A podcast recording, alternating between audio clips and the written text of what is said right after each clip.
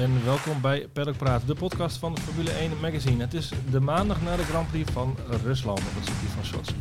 Mijn naam is Jacques Willems en ik zit hier met collega's André Venema en Daan de Geus. Wij draaien weer een nieuwe editie in elkaar vandaag, die aanstaande donderdag in de winkel zal uh, komen te liggen. Um, enkele hoogtepunten uit het blad uh, wat jou betreft, André? Nou, dat zijn er genoeg. We hebben een uh, heel leuk verhaal met, met Pierre, Pierre Gasly. vooral ook over zijn leven buiten de baan en wat hem daar gelukkig maakt. Mode en pasta. zal niet veel mensen verbazen. Hij woont tegenwoordig ook in Italië, in Milaan. Dus uh, dus een beetje een, een, een, een ander een, een, een, inkijk in het, het andere leven van Gasly.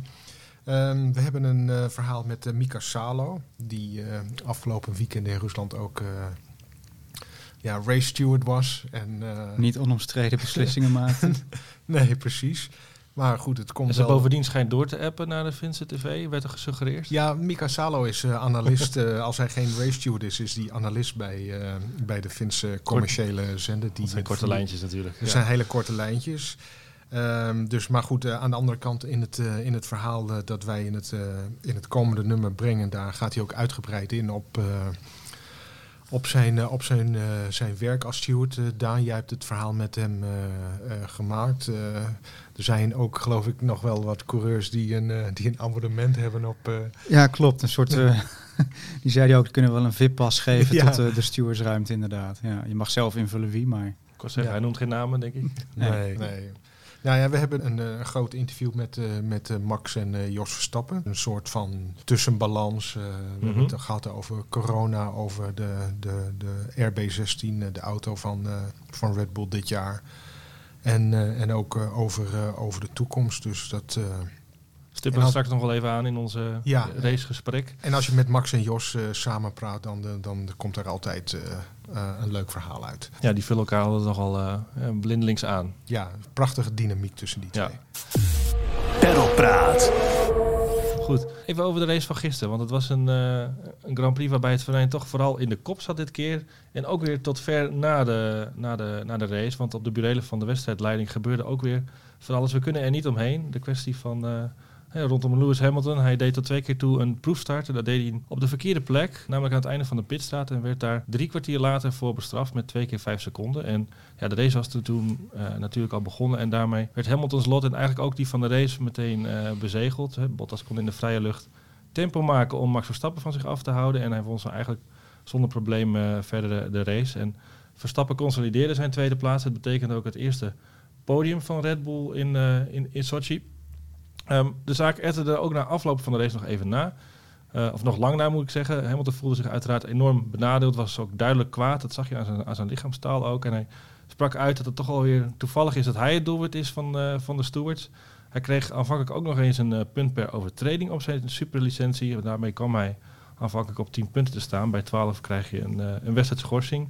Deze beslissing werd een paar uur later weer teruggedraaid. Mercedes heeft uiteindelijk een boete gekregen omdat Hamilton eigenlijk, ja, hij kreeg toestemming van de pitmuur om zijn proefstart op een andere plek te doen dan de, nou ja, de aangewezen plek. Hè. Um, Andrew Chauvelin van Mercedes zei na de hand nog dat hij niet had verwacht dat Hamilton zijn proefstart aan het eind van de pitlane zou doen, als in op het punt waar uh, de, de, de buitenrijdende coureurs hebben daar al een flinke snelheid. En het verweer van Mercedes was bovendien dat de aanwijzingen uh, van de wedstrijdleiding niet duidelijk zouden zijn geweest. Um, goed, lang verhaal. We hebben het hier over punten terugdraaien, boetes in de wedstrijdleiding. Dat betekent dat het toch weer uh, qua besluitvorming bij de wedstrijdleiding uh, nou ja, bijzonder chaotisch te zijn lijkt te verlopen. Um, dat lijkt me geen goede reclame voor de, voor de sport. Daan, spuitje gal. Ja, nou ja ik, ik vind het in de eerste plaats wat je, wat je aanhaalt. Uh, hij maakt die overtredingen eigenlijk ruim voor de start. Volgens mij was het een half uur voor de start. En uiteindelijk na drie kwartier, terwijl de race al een kwartier bezig is, krijgt hij pas die straf. Ja, weet je, dat moet gewoon voor, de straf, voor de start moet dat een uitgemaakte zaak zijn wat mij betreft. Ja. En dan ja, dat weet je dat, dat hij dan die, die, die proefstarts maakt op een plek waar hij niet mag. Ja, Mercedes kan het aanhalen, maar in de event notes, um, zoals die heten, die altijd worden rondgestuurd, ook naar media. Op de donderdag gaat dan een Grand Prix. Op de donderdag notabene. Uh, ja, worden, ook worden aangepast nog hè, gedurende het weekend ook. Als ja, tuurlijk. Maar dan, dan weet je in ieder geval van, hè, dit is dus blijkbaar, uh, er is een aangewezen vak voor die proefstarts. Ja, als je dan vragen hebt, lijkt me, stel ze dan op dat moment en niet uh, zondag. als ze zo onduidelijk zijn bedoel je? Hè? Ja, als, als je al bezig ja. bent inderdaad. En ehm, ja, als je me vraagt wie nou de schuld heeft, Mercedes of Hamilton, ik vind het een beetje allebei. Hamilton is de enige coureur die ervoor kiest om niet uh, in het aangewezen vak uh, zijn proefstart te maken. Ja, oké, okay, dat mag. En het is jammer dat Mercedes hem dan de verkeerde, verkeerde richtlijnen geeft. Maar ja. Ik vind hij, hij zei ook zelf, ik doe het altijd zo. Ik heb het ook dit weekend gedaan. Ja. Um, je ziet toch dat andere coureurs wel die aangewezen plek gebruiken. Ik, ik snap niet dat niemand ja. dat is opgevallen. Kijk, zijn, zijn, uh, zijn redenatie was natuurlijk, er ligt daar veel rubber, dus het is niet representatief met de startgrid, dus ik wil het niet daar doen. Ja, prima. Valt het voor te zeggen natuurlijk. Maar, maar er, is, wordt een gebied voor aangewezen en het is eh, veiligheidshalve niet zonder reden natuurlijk. Um, ja, die, die strafpunten, daar kun je over twisten inderdaad, gezien de rol die Mercedes heeft gespeeld. Die boete van 25.000 euro, ja, ik vind het voor veel geld, maar André maakt ook al een wegwerpgebaar. Het is volgens mij het cateringbudget voor één weekend bij Mercedes, weet je. Daar liggen ze echt niet wakker van. Dat, uh... als, je, als je dus teams echt wil treffen met, dat, met boetes voor dit soort dingen, dan zou je die toch gewoon omhoog moeten gooien? Ja, de grootste boete is gewoon een, is gewoon een sportieve straf, uh, een tijdstraf. En die heeft Hamilton gekregen. Ja. Dat, is, dat is veel meer, doet veel meer pijn dan, uh, dan 10.000 euro of 20.000 euro. Ik bedoel, dat zonder die tijdstraf had hij deze race natuurlijk gewoon gewonnen. Ja. Dat, dat, nu, dat valt natuurlijk nog te bezien. Ik bedoel, in de openingsfase reden, reden Bottas en, en Verstappen ja, nou ja, op anderhalf seconde van elkaar. Hè, ook op anderhalf seconde van, van Hamilton. Ze leken een beetje op te worden gehouden. Dat komt natuurlijk door het karakter van de, de auto's van dit jaar. En Hamilton reed natuurlijk op de, de zachtere banden. Precies. Dus met deze straf hè, is ons eigenlijk ook wel weer een, een mooi duel ontnomen. Er zat natuurlijk, er hing wel wat in de lucht. Ja, het had in ieder geval een, een strategische strijd geweest met, met Hamilton die misschien wel twee stops had gemaakt. Of, of misschien een... Uh, een eerdere uh, stop en dan later nog uh, aan de leiding, terwijl Bottas met snellere banden achter hem had gezeten. Ja, of dus. Bottas die gewoon weer uh, aan de kant had gemoeten. Dat ja. is ook niet de eerste, dat, dat heeft hij al eerder moeten doen in Sochi. Nou, ik kan me toch niet voorstellen dat ze dat nu hadden gedaan, maar ik vond het wel weer, nou we zullen het straks nog over Bottas hebben denk ik, maar weet je, het is dan zo jammer dat hij dan bij de start, dat hij het dan wel even probeert, maar, maar, maar verder inderdaad hangt hij er maar een beetje achter en dat hij denkt van ja, Hamilton heeft toch die straf, dus kwam door een bij, zei hij zelf. Ja, ja.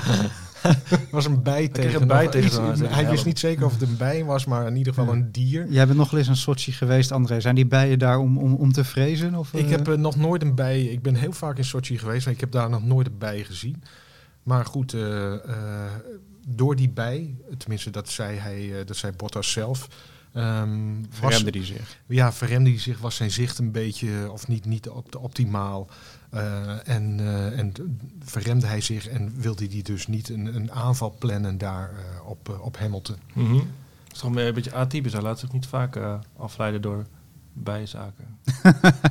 Formule 1. Pedalpraat. Bottas die won dus uiteindelijk. En dan zie je na de wedstrijd toch weer een hele andere Valtteri. Uh, André die draait dan met zijn ogen. Ik denk dat ik al weet wat hij wat hij hierover gaat zeggen. Ik vind dat echt... Uh,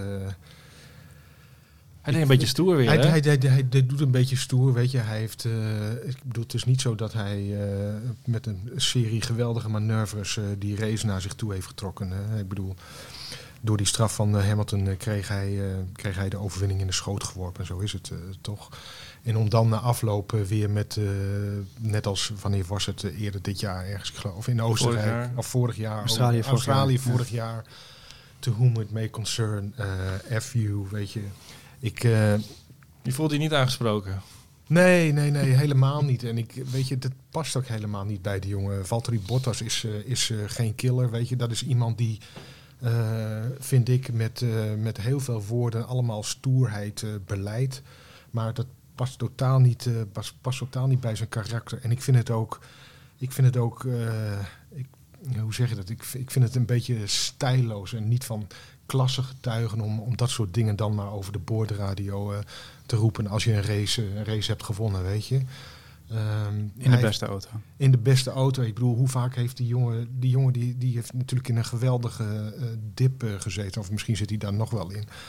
Want hij, is, hij, is gewoon, hij komt gewoon tekort op Hamilton. Dat mm -hmm. is, weet je, hij heeft dezelfde auto. En elke keer weer, dan is het gewoon net niet. En dat is het verhaal van Valtteri Bottas. Dat Bottas, goede coureur, maar net niet. En zeker niet uh, in, uh, in vergelijking met, uh, met, met, met, met Hamilton. En dan vind ik zulke, zulke, zulke opmerkingen, dat, ik vind het zo, ja, ik vind het ongepast. Ik vind ja. het werkelijk ongepast. Hij zei nou de hand, het was vooral gericht tegen de mensen op de social media die uh, vooral ja, kom op, die zeg, grapjes je, en uh, kritiek leveren. Ja. Jeetje, dat, lees het, lees het al gewoon Waar niet. hebben we het over, Dat- ja. Waar, waar hebben we het over? Dat is toch geen, eh, dat is toch geen excuus. Daar sta je toch verdorie eh, ver boven. Jij zit in die auto. Jij bent een, eh, een goed betaalde eh, Formule 1-coureur. Je hebt een prachtige baan. Je hebt de snelste auto. Dan maak je toch niet druk wat een of andere pipo op eh, social media over jou zegt. Kom op als, zeg. als je het afzet tegen de drek die eh, Hamilton over zich heen krijgt Ja, ja, maar die, die, online, gaat, die, die, die, gaat staat on- erboven, ja. Precies, die gaat gewoon ongestoord verder met, met wat hij doet. En dat, Ja. dat moet hij ook vooral doen. Maar dat zegt ook iets over het karakter van, van Bottas. Ja, Weet je, ik, ik had het daar gisteren met mijn vrouw over. Mijn vrouw is eh Fins. En eh, Fin-expert, ja. ja, ja ik, kom, eh, ik kom heel vaak in het land. ik, ik, ben er zelfs, eh, ik ben er zelfs getrouwd. en we hadden het daar zo over. En toen Bottas dat op, op televisie zei, zei ze, ik zei ook zo van Jezus, weet je, daar heb je die clown weer met zijn to whom it may concern. Wat vinden Finnen daarvan? wat zeg je? Wat vinden Finnen daarvan? Ik weet niet wat Finnen ervan vinden. Want, Finse media eventueel, ja. Maar mijn vrouw die vond het, eh, die vindt het ook niet eh, heel erg eh, eh, gepast. En toen hadden we het erover. Ik zei van ja, weet je, die Bottas, eh, die, die, die jongen die wint nooit wat. eh, is gewoon niet goed genoeg. En toen zei zij van ja, eh, ik zei hij is te lief, bla bla bla. En toen zei zij van ja, eh, je moet net als, eh, als zo'n zo'n zo'n K-Nederlandse of Engelse mentaliteit hebben om kennelijk eh, kampioen te worden. En toen zei ik van eh, ja, dat moet je, zo'n mentaliteit moet je inderdaad hebben om, eh, om wereldkampioen Formule 1 te worden. ja. En je zei net, hij heeft in de put gezeten. Zit het misschien ook nog wel? Op zaterdag werd hij, eh, werd hij al op flinke afstand gereden nog een, in de kwalificatie. En toen, ook, over een, ook op een boordradio, toen hij doorkreeg wat de tijd van Hamilton was, zei hij, I don't get it. Ja, Dat zei toch ook alweer, eh ook alweer Ja. voldoende. Van, ja, Ja, wist echt even niet waar hij het moest zoeken. Nee. Ja. Nee, maar dat, ja, weet je, ik, ik kan me ook wel voorstellen dat als je zelf denkt dat je, dat je goed bent en dat je een kans maakt eh, tegen iemand en elke keer weer loop je als het ware tegen de muur op, dan Ja. dat, dat, dat gaat in je hoofd zitten. Dat, eh, Ik denk ook een beetje over, over het poldermodel gesproken. Dat is ook wat hij een beetje doet natuurlijk. Hè. Ik denk je kan op twee manieren naast Hamilton gaan zitten. Dat is zoals Rosberg deed. En echt zeggen van oké, dit is een soort total war, weet je wel. En ik ga op elke mogelijke manier proberen die gast te irriteren en, en te etteren. En dat kun je doen. En het andere uiterste is dat je zegt van weet je wat, ik verdien lekker mijn geld. Ik win af en toe een raceje. Prima. En de rest, you know, F it, het kan me niks schelen. En als ik kritiek op social media lees, lekker boeiend. Dan kijk ik even uit het raam in Monaco, op mijn appartement en dan voel ik me een stuk beter. En Bottas zit er een beetje tussenin. En dat is ook gewoon waar- waarom, denk ik, die, die, die, die strijd toch, toch niet Ja, echt dat- spannend wordt. en de strijd zal zijn, nee. Er is, er is geen strijd. Weet je, Rosberg wist van als ik hem wil verslaan, ik, heb niet het, ik beschik niet over hetzelfde talent. En Bottas heeft ook niet hetzelfde talent als eh, Hamilton. Is goed, maar Hamilton is beter. Weet je, dan, dan kun je inderdaad denken van, dat zei hij ook. Ik, ik las dat toevallig op een uh, Finse site. eh, van, eh, het gaat allemaal heel goed. Het loopt allemaal heel goed tussen soepel tussen eh, Hamilton eh, en mij. Hij is een referentie en ik moet hem verstaan en verslaan. En ik wil niet eh, op een makkelijke manier eh, winnen. Weet je, allemaal van dat soort eh, hele, hele stoere teksten. Maar dan denk Gewoon ik geen van. goch mee heeft hij. Nee, maar dan denk ik van, weet je jongen, dat lukt je nou al drie of eh, hoe lang zit hij er nu? Drie of vier jaar niet. Weet je, probeer het dan op een andere manier. Zoals, eh zoals Rosberg, die, die Rosberg heeft zich één jaar als een klootzak Die heeft zich gedragen. één jaar lang als een geweldige klootzak eh, gedragen. En alle trucjes uitgehaald Ja. die je kunt uithalen om die, jong, om, om die jongen geestelijk enigszins uit balans te brengen. En dat is hem gelukt. En weet je, daarna was hij ook klaar. Een van mijn favoriete Rosberg-anekdotes is de, dat handschoenverhaal. Dat Rosberg zijn wijsvinger liet aanpassen. Dat werd, dat werd ietsje dunner op de, op de tip van zijn vinger. waar de, waarmee hij de, koppel, eh, de koppeling bediende. En toen had hij ineens drie of vier hele goede starts daarna. En Toen bleef hij constant maar doorgaan over die handschoen. Uiteindelijk wilde Hamilton dus ook zo'n handschoen hebben. Ja, dat soort dingen, dat is toch Ja. geweldig. Zo'n zo koude oorlog binnen het team. Dat, dat, dat, Ja. zie je Bottas natuurlijk niet. Ja. eh, Nou, om, om even terug doen. te komen op Ja, dat op. Ons, op, ons, nee, maar op, op ons komende nummer. We hebben in het komende nummer... eh, ik heb in eh, Italië het eh, tussenrapport gemaakt met, met Olaf Mol. mhm. En ehm, een, zeg maar een, een, een vijf uitblinkers, vijf tegenvallers en dan de rest. En over Bottas zegt hij dus ook van... ehm, het lijkt wel alsof Bottas, wat jij net ook zei Daan, dat Bottas blij is dat hij gewoon eh, werknemer van Mercedes is. Blij is dat hij daar zit. Blij is dat hij in een goede auto rijdt. Blij is dat hij eh, eh, goed, geld, goed geld verdient en, en, en Formule 1 rijdt. Maar meer is het, meer is het ook niet. Weet je, het, het, het, het is er misschien wel. En hij, wat ik net zei, hij beleidt dat allemaal met de mond. Maar ik zie, het, ik zie het in zijn gedrag en op de baan zie ik het gewoon niet terug. Nee. Ik ben wel benieuwd eigenlijk naar zijn salarisontwikkeling. Zal hij ook steeds een trapje omhoog gaan of juist naar beneden? Ik weet het niet, maar goed, een Nee. paar jaar geleden is een van zijn eh, persoonlijke sponsors, Wihuri, is, Ja. eh, is er notabene meegestopt omdat de baas eh, zei van, weet je, eh, iemand die, zo, eh, Dat is geen winnaar. die zich Nee. zo eh, aan flarden la- laat rijden door, door Hamilton, daar ga ik geen geld, eh, geen geld in steken. Nee. En gelijk heeft hij. Pedalpraat. Gaan het hebben over, eh, over Max Verstappen. Het was weer een beetje de Verstappen van voor eh, nou ja, die, die, die dubbel in Italië. Hè. En hij, hij kon het natuurlijk ook laten zien omdat zijn materiaal het, eh, het goed deed. Vader Jos en manager Raymond Vermeulen waren er ook weer eens in, in, in de paddock. Nadrukkelijk aanwezig ook wel. In. Bel in België waren ze er ook alle twee. hè? ja. In ieder geval, het gerucht ging dat ze er waren om toch eventjes nou ja, polshoogte te nemen met hoe het gaat allemaal. Denk je dat ze tevreden zijn na dit weekend? Met wat ze gezien hebben? Dat, eh, dat, eh, dat, denk ik, eh, dat denk ik wel. En ik denk ook dat ze daar echt gewoon iedereen even hebben willen spreken. Polshoogte ogen kijken, nemen. Ieder- ja. ieder- iedereen in de ogen ki- kijken wat de ontwikkelingen zijn. Niet alleen bij, bij Red Bull natuurlijk voor de auto voor dit jaar, maar ook bij, bij, bij Honda. Ehm, dus ja, ze zullen, ze zullen tevreden zijn maar, met, met, met wat er nu in, in Sochi is gebeurd. Maar ik, weet nog, ik, ik denk dat ze nog steeds eh, niet heel erg tevreden zijn met, eh, met waar Red Bull uiteindelijk ook dit jaar weer staat. En dat is toch, eh, dat is toch ruim achter Mercedes. Het gat was weer aanzienlijk, hè? Ja. Goed, als het over polshoogte eh, nemen gaat, moet ik vaak denken aan een verspreking van eh Balkenende, die dit een keer polshoogte brengen noemde. Dat vind ik ook wel een toepasselijke term, weet je. Van ja, je komt kijken hoe het gaat, maar je komt ook even duidelijk maken hoe het moet gaan. Ja, En ik ja. denk dat dat hier ook wel eh, van toepassing is. Ja, ja. Ja, weet je, eh, Max Verstappen zegt ook altijd van ik hoef niet te zeggen eh, dat, het, dat het beter moet. Maar ik denk toch dat er altijd wel heel subtiel, op een subtiele manier toch wel wat druk wordt uitgeoefend van, van jongens, het moet ook beter, want hè, Max, eh, Max wordt ongeduldig en hij waarschijnlijk niet, eh, niet alleen. En, en Dania ergerde je nog aan, de, aan een dingetje. eh, In de communicatie werd iets gezegd over Ja, erg snelheid is, op de rechte stukken. erg is misschien een groot woord, maar het ging bij Red Bull dit weekend ook over de boordradio weer een paar keer over de rechte stukken. Van verlie- verliezen 17 per ronde, waarvan zes op de rechte stukken. Dan denk ik van ja, waarom zeg je dat? Zeg je dat om Honda een beetje te pushen? Of is het om, om aan te geven van eh, het, het zit niet in de auto zelf, de auto is goed. Dan denk ik van ja, leuk en aardig, maar die baan in, eh, in Sochi in sector 3 was Red Bull dan heel goed. Ja, die baan telt nog twee sectoren. Dus het is ook een beetje informatie dat ik denk van ja, hoe relevant is dat dan, weet je wel? Je kan het bij elk circuit wel zeggen, uiteindelijk de rechte stukken horen er ook gewoon bij.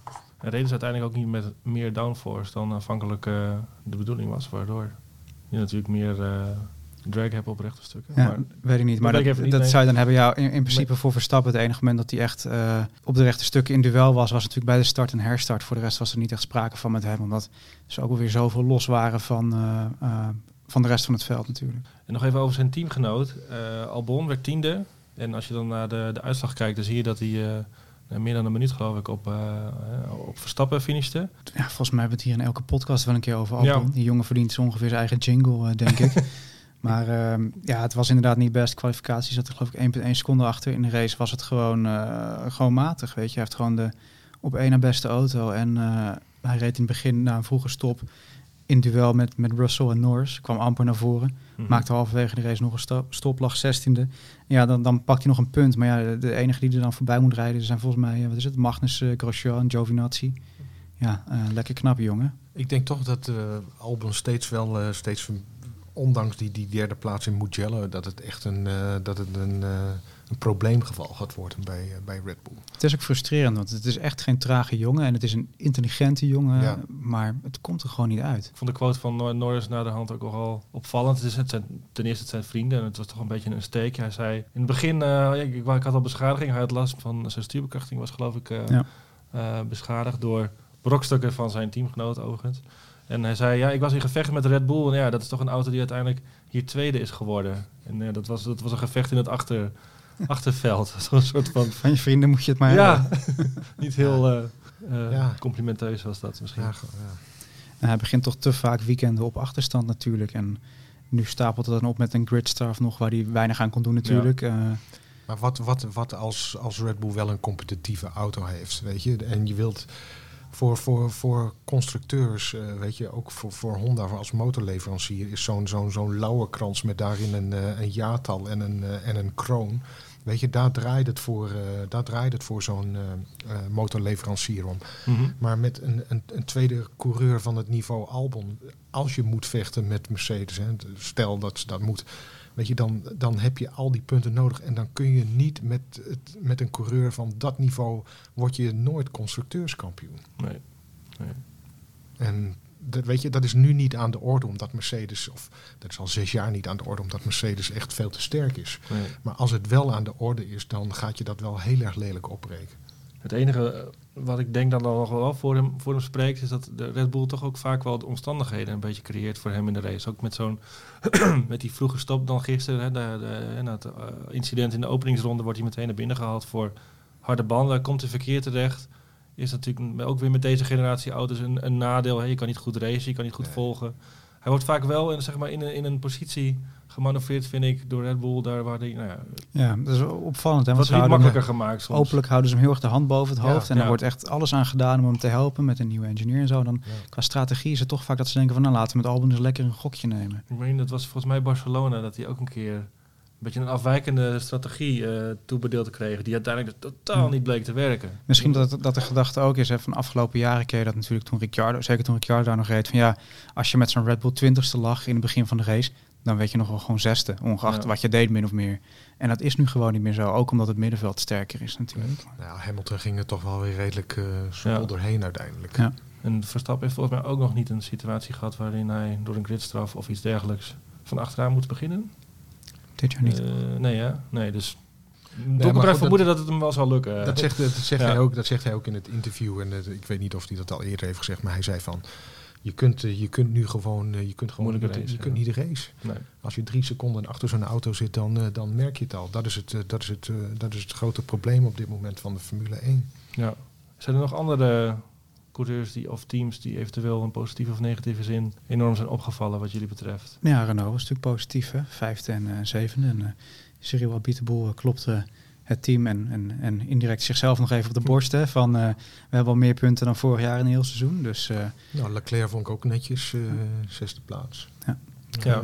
En Renault komt er ook wel aan hè, in de, in de constructeurstand. Ja, ze worden misschien wel een beetje geflatteerd nu door, doordat we op een aantal circuits rijden waar, waar zij met, goed met low downforce kunnen rijden. Dus even kijken hoe dat de rest van het jaar gaat. Maar als ik naar die circuitkaartjes ga, uh, kijk, dan uh, ziet het toch wel uit of ze redelijk competitief kunnen blijven. Dus, ja. ja. In, in negatieve zin hebben we nog een, uh, een minnetje voor iemand in petto, André. Mm, nou ja, we hebben hem net besproken. Uh, Albon, ja. Albon. Ja, ja de, de jongen die anders ook in die auto had kunnen zitten, misschien in een alternatief universum Science, die uh, had een off day, zullen we maar zeggen, in, Ja. uh, in Sochi. Atypisch eigenlijk wel, hè? zo fout. Ja. Ja. En uh, ik wil zelf Russell er nog even uitleggen, want... Zesde keer uh, Q2 gehaald. Hè? Ja. ja, maar dat is dan, dan denk ik dat leuk en aardig. Je hebt maar, het over de race vooral nu, denk ik. Ja, en dan, en dan in, op Ja. zondag dan... Ja. hij, zei het zelf ook, ik zag eruit als een rookie. En dat komt natuurlijk ook door, uh, door een auto die niet, uh, niet al te best is. Maar ik heb soms het idee dat het... Ja, die, dat die Q2, dat wordt steeds weer zo... En vooral door Britse, Britse wordt, media uh, wordt het ja, natuurlijk ja, ja, enorm ja. uitgelicht... Als ja. zijnde, oh, wat een prestatie van Ja. onze George. Maar Olaf Mol uh, is uh, lovend over hem uh, in het tussenrapport. Ik vind hem ook klap. een heel groot talent, maar het, het, is jammer dat hij niet een soort tussenstap heeft kunnen maken naar een Nee. team dat je nou echt kan zien van hoe vecht hij nou echt in het middenveld. hij zou eigenlijk volgend jaar toch wel echt een stap omhoog moeten maken. Maar de, de- Waar. waar is, de, is de vraag. Ik denk ook dat hij heel veel in zijn mars heeft. Maar Nou, wat, wat, wat, wat ik eh, wel in, eh, wat, wat in hem te prijzen valt, is dat hij niet, eh, in tegenstelling tot heel veel andere coureurs over de boordradio, zoveel schuttingtaal gebruikt. nee, dat zal je George, de F-word, die zal hij zal fudge zeggen of zo. Of freaking. Ja, ja Goed. maar dat is, het gebeurt natuurlijk te pas en, Ja. en, te- en te onpas. Goed. Zullen we weer verder met eh, het tijdschrift? We gaan hem in elkaar zetten. Dit was eh Patrick eh, Praat voor vandaag. Bedankt voor het luisteren. Ons nieuwe nummer ligt zoals gezegd eind deze week bij de abonnees op de mat en in de winkel. Waar kunnen we aan, aan herkennen? Wie komt er op de cover, André? Ehm, De familie V toch wel? de familie Verstappen, ja. Ja. En over twee weken hebben we de, Ja, de Grand Prix van de Eifel, noemen we maar even, op de Nürburgring. Heeft een van jullie toevallig nog iets van de 24 uur race Ja. gezien dit weekend? Vooral het weer. Dat belooft wat, hè? ja, Vettel grapte al een keer over... eh het over- over Siberië vriezen. van Duitsland. Ja, Ja. Jij gaat er naartoe, hè? Ik zou als ik jou was mijn regenjas. eh, regenlaarzen, ja. Ja. En Nederlands succes dit weekend. Nicky Ja, Katsburg, die won hem eh, met, eh, met BMW. Ja. Ehm, ja, en dan na het weekend eh, op de Nürburgring melden wij ons weer met een nieuwe aflevering. En houd tot die tijd onze site formule1.nl in de gaten voor het laatste nieuws. Volgende week woensdag hebben we een nieuwe Parabolica, onze YouTube-show met onder andere een analyse van Hoop in Tung hè, van de Nürburgring. En dan gaan we eruit met de uitloopstrook van Koen. En de kop van zijn column luidt de klassejustitie. Dus ik denk dat ik wel weet waar het over gaat. De uitloopstrook van Koen. Klassejustitie. Weet je, Lewis Hamilton begint een beetje de Vert Grapperhaus van de Formule 1 te lijken. Regels zijn er voor iedereen, maar voor Lewis een beetje minder. En anders passen we gewoon de strafmaat aan. Met stijgende verbazing heb ik afgelopen weekend naar de soap rond Lewis gerommel in Rusland gekeken. Het was wel duidelijk dat Lewis van meet af aan zijn koppie er niet bij had. En ik weet ook wel waarom. Omdat hij van de FIA geen protestshirt aan mocht op het podium. Rotzakken zijn het, die FIA. Een Famke krijgt nog meer exposure dan Lewis. Ze willen me stoppen, gromde de zesvoudige, toen alles achter de rug was. En dan bedoelt hij, denk ik, dat shirt. Want ja, Kijk eens hoe hij op de baan overal mee wegkomt. Het is pure klassejustitie. Denk nog maar even terug aan Oostenrijk. Te hard gereden onder geel. Een doodzonde. Maar Lewis kreeg pas straf nadat Red Bull het bewijs had geleverd. En kijk afgelopen zaterdag naar de kwalificatie. Lewis liet in Q2 de verplichte escape route in bocht 2 links liggen. Daar stond een straf op. Maar niet voor Lewis. Ach nee, de FIA vond het niet gevaarlijk en hij had er geen voordeel van. Maar volgens mij had hij dat wel. Via die escape route had hij waarschijnlijk Q3 niet gehaald en dus ook niet op pol gestaan. Maar goed, prompt kregen ook een paar mindere goden geen straf voor hetzelfde vergrijp. Waar kennen we dat toch van? En na zondag was de overeenkomst met onze minister van Justitie helemaal compleet. Wat bezielde Louis om 300 meter na de pit zijn proefstart te maken? En dan nog boos worden ook. Want nog nooit had iemand een straf gekregen voor een proefstart op de verkeerde plek. Nee, omdat iedereen weet waar je die proefstarts moet maken en zich daar ook keurig aan houdt. Wedstrijdleider Masi had het nog gezegd. Weet je nog wat ik vorige week zei over koekenbakkers die niet opletten bij de briefing? Regels zijn regels. Dus Louis kreeg een tijdstraf en strafpunten. Maar wat gebeurt er zondagavond? Na wat achterkamertjes overleg wordt de straf alsnog bijgesteld. Louis krijgt een boete te betalen door het team en geen punten op zijn strafblad. Weet je, Louis is de grapperhaus van de Formule 1.